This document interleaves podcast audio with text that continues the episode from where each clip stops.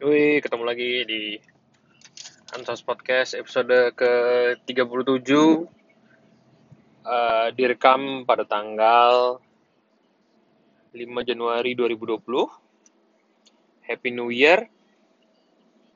Uh, Hope 2020 will be a beautiful year. Uh, Hope we uh, will get all our success in 2020. Hope all your hope come true. uh, 2020 tapi uh, dimulai dengan banjir Jakarta.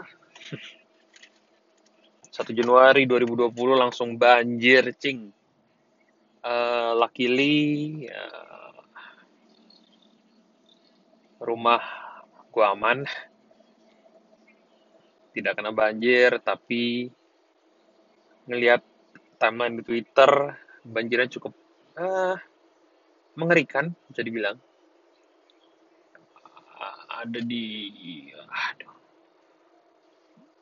Mana-mana sih? Jakarta Utara iya Kelapa Gading kena. Jakarta Selatan kena juga Kemang, Jakarta Timur, Kampung Melayu, bahkan sampai BSD kalau nggak salah BSD juga ada yang kena Depok. Hmm, cukup uh, luas sih banjir kali ini. Salah siapa? Mana gue tahu. uh, tapi di gua pindah Jakarta tahun 2002 ada sejak 2002 kayaknya udah beberapa kali ada banjir bes, banjir yang bisa dibilang cukup besar lah. Tahun 2005 misalnya 2005 terus juga sempat uh, banjir yang karena tang tanggul yang di belakang kali belakang Grand Indonesia. Jebol tanggulnya.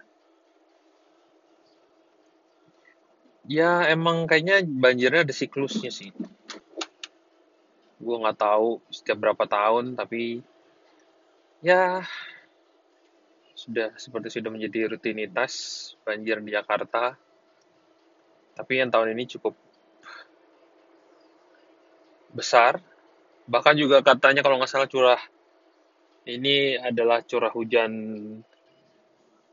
terbesar di Jakarta sejak 96 kalau 96 99 gitu. Jadi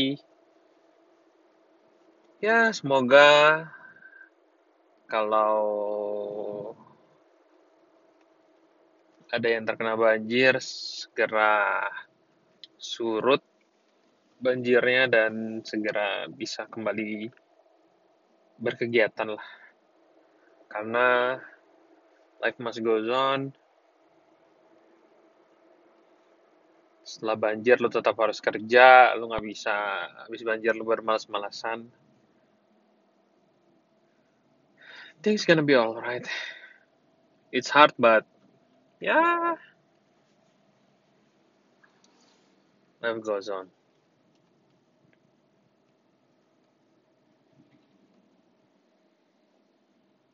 Tapi ya emang di the first day of 2020 banjir itu cukup apa ya? Banyak yang bilang tahun ini bakal jadi tahun yang berat sudah ada tanda-tandanya banjir nggak gitu juga sih. Ya emang setiap tahun ada tantangannya masing-masing. Tiap tahun adalah tahun yang berat menurut gua. Things are getting harder. Things are getting tougher. Nggak cuman di kehidupan di kerjaan juga setiap tahun pasti target naik jadi curhat. Uh, tiap tahun hal-hal berubah butuh penyesuaian di sana sini tapi ya itulah hidup. Berat tapi tetap harus dijalankan. Ada ngomongin apa ya eh banjir udah resolusi. Setahun sama resolusinya. Eh, menjadi orang yang lebih baik dari tahun sebelumnya. Di semua hal lah. Pengen kurus bukan pengen kurus pengen uh, hidup lebih sehat aja. Karena 2019 kemarin akhir tahun sempat cek darah dan ternyata angka kolesterol dan asam uratnya cukup tinggi. Jadi ya semoga 2020 bisa hidup lebih sehat lah. Uh, apa lagi ya? Harapan 2020 hmm, setiap tahun uh, harapan gue sama sih. Semoga bisa survive tahun 2020 kenapa berharap bisa survive karena masih akan ada tahun 2021, 22 kalau belum kiamat ya. ya hidup hari ke hari, tahun bulan ke bulan, tahun ke tahun, ya beginilah. Hmm, ngomongin apa? Oh, ngomongin sepeda mungkin. Minggu kemarin ya, ada kecelakaan di mana ada beberapa pesepeda yang ditabrak mobil ketika sedang bersepeda.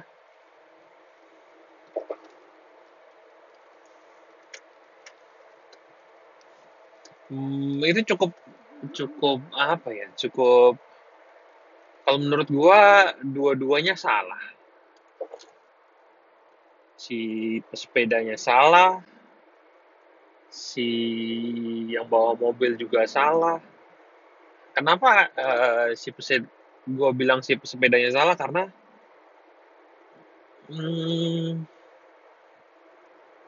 di Sudirman itu emang ada jalur sepeda, tapi itu kan uh, jadi aja di deket-deket Ratu Plaza ya itu emang gua cukup rutin sepedaan di situ tapi gua selalu ngambil jalur paling kiri. Karena emang saya uh, speednya lambat dan juga emang entah kenapa gue berpikir sepeda itu harusnya di kiri bukan di kanan jalan. Tapi emang kemarin itu mereka adalah orang mereka tuh kalau nggak salah peleton jadi emang sepedanya iring-iringan speednya lumayan kencang jadi mereka ngambil jalur kanan. Eh, kenapa mereka salah? Karena sebenarnya itu bukan jalur buat sepeda. Jalur buat sepeda di kiri dan di trotoar lebih tepatnya. Tapi emang sepedaan di trotoar Jakarta itu wah kacau kayak mau sirkus uh, halangannya banyak banget. Halangannya banyak banget. Uh, banyak pelang sana sini. Yang dimaksudkan emang pelang itu biar motor nggak masuk ke situ. Tetapi efeknya adalah lo menjadi tidak nyaman untuk bersepeda di situ. Apalagi namanya olahraga di sisi situ oh, si pesepeda bisa dibilang salah karena mereka nggak pakai jalur yang seharusnya. Tapi di sisi lain si pem pengemudi mobilnya kalau menurut gua juga salah karena kalau nggak salah dia makin narkoba ya nyabu kalau salah sebelum naik mobil jadi ya bisa dibilang setengah sadar lah ketika bawa mobil itu nggak benar juga. Tapi ya dua-duanya salah sih menurut gua ya. Menurut gua bisa aja gua salah. Karena gua juga sering sepedahan gua sering sepedaan nggak di jalur sepeda juga cuman gua ngambil jalurnya paling kiri. Itu pun gua pernah ditabrak motor. Gua udah pelan-pelan ngambil lajur paling kiri. Tiba-tiba waktu itu gua di uh, daerah Buncit. Buncit ya Mampang. Deket-deket Ragunan sih itulah. Udah mau deket simpang Ragunan. Gua lagi sepedaan pelan-pelan pelan banget gua. Sepedaan paling berapa belas kilometer per jam lah jadi santai pelan. Lajur paling kiri.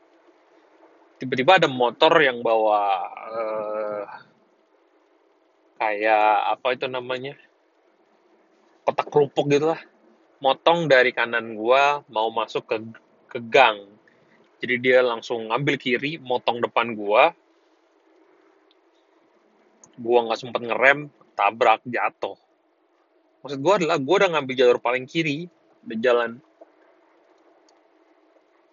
pelan-pelan. Baru sorry. Di jalan pelan-pelan. Itu pun masih bisa ditabrak motor. Apalagi lu ngambil jalur paling kanan speed kenceng. Ya risiko untuk kecelakaan mungkin lebih besar dibandingin gua. Ya uh, gitulah. Tapi ketika lu jalan di peloton sih harusnya it's supposed to be uh, safer than riding alone. Di mana gua koes biasa sendirian. Itu lebih uh, rentan berisiko untuk untuk kecelakaan lah. Karena uh, pasti lebih aman ketika lo berkendara berkendara juga. Berolahraga rame-rame. Tadi pagi gue uh, sepedaan kehujanan pula. Bah dua kali dua kali dua kali gue kehujanan. Waktu yang tanggal berapa ya akhir-akhir tahun kemarin lah. Desember 20-an gue sepedaan pas lagi libur tuh. Ah pasti libur Natal. Libur Natal iya kayaknya libur Natal kayak libur Natal tanggal 25 nya tanggal 25 uh, eh, sepedaan pagi-pagi kan. Uh, bangun mendung-mendung tuh mendung-mendung sedap kan. Wah enak nih ya sepedaan. Sepedaan keluar siap-siap 10 menitan lah. Berangkat mendung eh sampai depan komplek gerimis. Gerimis doang. Ah gerimis doang. Karena kan gue kalau uh, sepedaan biasa pakai jaket. Jaket uh, windbreaker gitulah jadi ya kalau gerimis-gerimis doang mah masih nggak tembus lah jaket gue jadi gue tetap sepedaan lima menit kemudian hujan deras deras deras. Waduh itu masih dekat. Ini gue putar balik ke rumah. Langsung mandi tidur lagi. Tadi yang parah. Tadi tuh gue ada sepedaan dari rumah gue ke daerah. Hmm, deket-deket Pangpol situ lah berapa kilo ya? Ya mungkin 12-13 kilo. Tadi pagi tuh pas berangkat cerah. Cerah ada matahari kok. Orang gue bawa sunglass bawa kacamata hitam. Sampai lewat Nah, Antasari. Kan Antasari dibuka tuh jadi enak gue naik Antasari. Atas turun Antasari. Gerimis tuh tiba-tiba ujuk-ujuk gerimis. Waduh angin udah mulai kenceng wah nggak bener nih. Biasanya gue uh, habis turun Antasari gue terusin tuh sampai bundaran uh, Senayan baru gue muter balik. Tadi itu mulai ada angin-angin. Wah turun Antasari lampu merah gue langsung terbalik tuh. Terbalik gak bener nih. Kemudian gerimis hujan. Langsung wah ini nggak bisa nih. Gue terusin aja langsung balik gue nggak pakai istirahat. Mau langsung balik. Karena hujan. Akhirnya gue mampir dulu di Kemang. Gue mampir dulu di Kemang gue ngopi. Bentar karena udah mulai hujan. Itu bentar udah hujannya udah mulai berhenti mungkin ada sekitar 15 menit lah 15 sampai 20 menit tuh gue ngopi dulu. Nah udah mulai berhenti gue langsung balik. Eh keluar dari situ hujan lagi. Palang tanggung kan. Oh, udah deh akhirnya gue paksain hujan-hujanan sampai rumah. Aduh kacau. Ngeri-ngeri sedap juga sepeda hujan-hujanan cing uh, jalanan licin karena gue pakai ya, road bike. Bannya kan kalau road bike tipis tipis terus botak bannya. Bannya uh, polos nggak ada kembangnya. Jadi ya harus pelan pelan lah. Jalanan kalau hujan kan licin takut slip. Kecelakaan pula nanti awak kan ya jadi dari hujan-hujanan lah gila. Terakhir gua hujan-hujanan dulu pas tahun 2000 2011 2012 pas awal-awal pas uh, baru akhir-akhir kuliah lah akhir-akhir kuliah. Tuh gua uh, sempat getol-getol sepedaan tuh gua hujan-hujanan sering. Gua waktu itu ber berdua bertiga itu beberapa kali lah hujan-hujanan cuman setelah bekerja mungkin pertama kalinya kali hujan-hujanan main juga tuh kan ada tadi 12-13 kilo hujan-hujanan Heh, sampai rumah langsung mandi lah tuh gila. Tapi uh, sejujurnya gue cukup enjoy lah sepeda hujan-hujanan. Mengingat masa masa muda. Tinggal nunggu uh, flu-nya aja nih. Ini udah mulai bindeng nih suara gue ya ada semoga nggak flu deh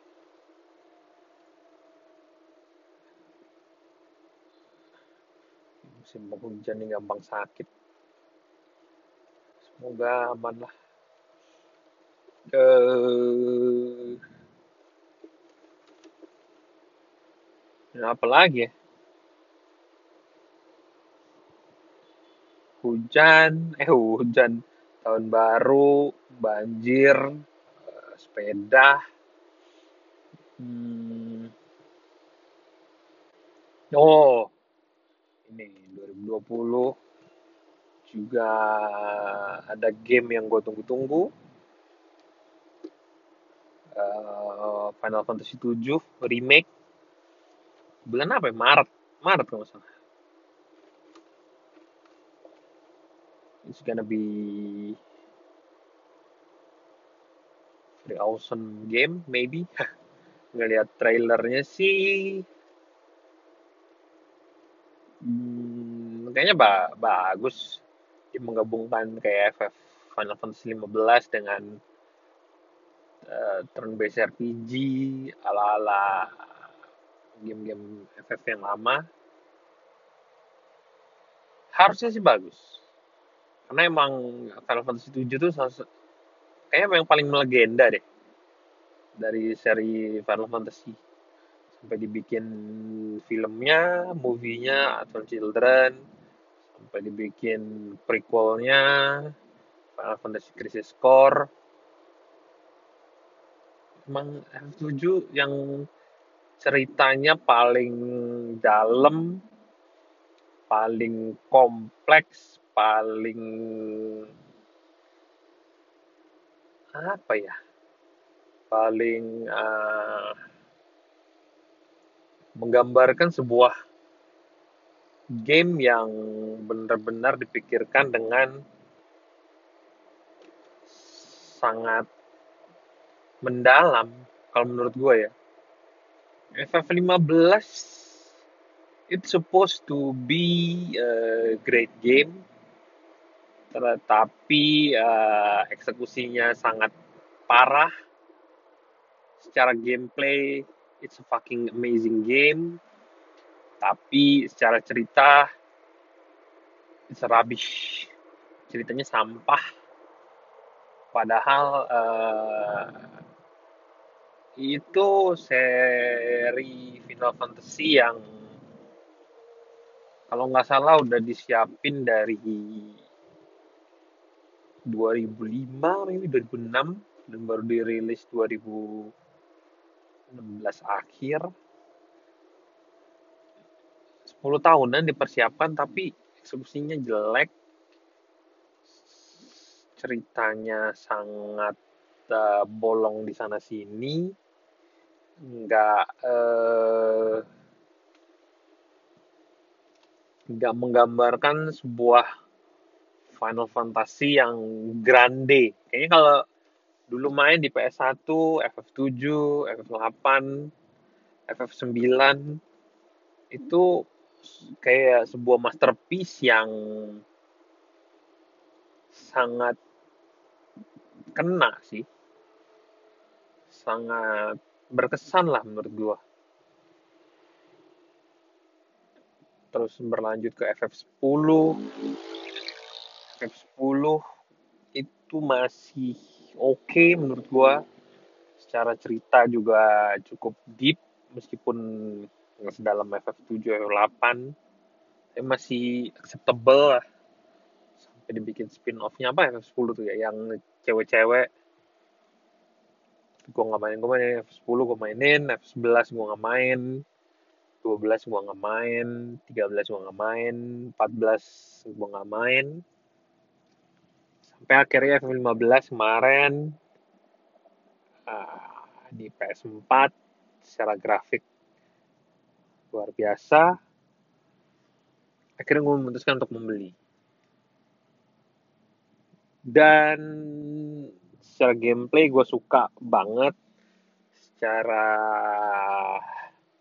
cerita gue kecewa banget. Hmm, apa ya? Satu sampai sepuluh cerita mungkin tiga atau dua lah. Parah banget sih ceritanya belang bentong nggak ada koneksi sana sini jadi ya 15 menurut gue sih flops nggak oke okay. nggak oke okay. tapi ya FF7 remake ini secara gameplay mirip FF15 jadi mungkin bakalan keren dan semoga aja ceritanya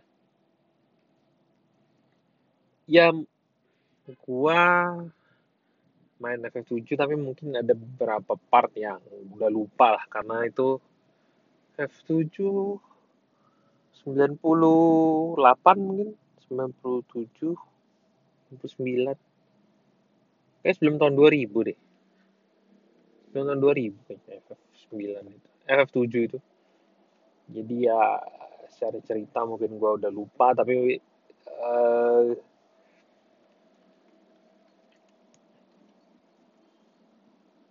cerita timelinenya gue tau lah awalnya gimana terus jadi apa endingnya gimana. Tapi mungkin detail-detail di dalam timelinenya itu yang gue lupa. Tapi seharusnya bisa di PS4 yang grafiknya udah luar biasa seharusnya F7 remake bakalan bagus banget sih. Bagus banget. Kalau seandainya eksekusinya jelek ya bakal jadi kekecewaan kedua di konsol yang sama PS4 mungkin tidak akan percaya lagi dengan Square Enix sudah dua kali mengecewakan. Terus eh, apalagi yang ditunggu di 2020 ya? 2020 Euro. 2020 Euro.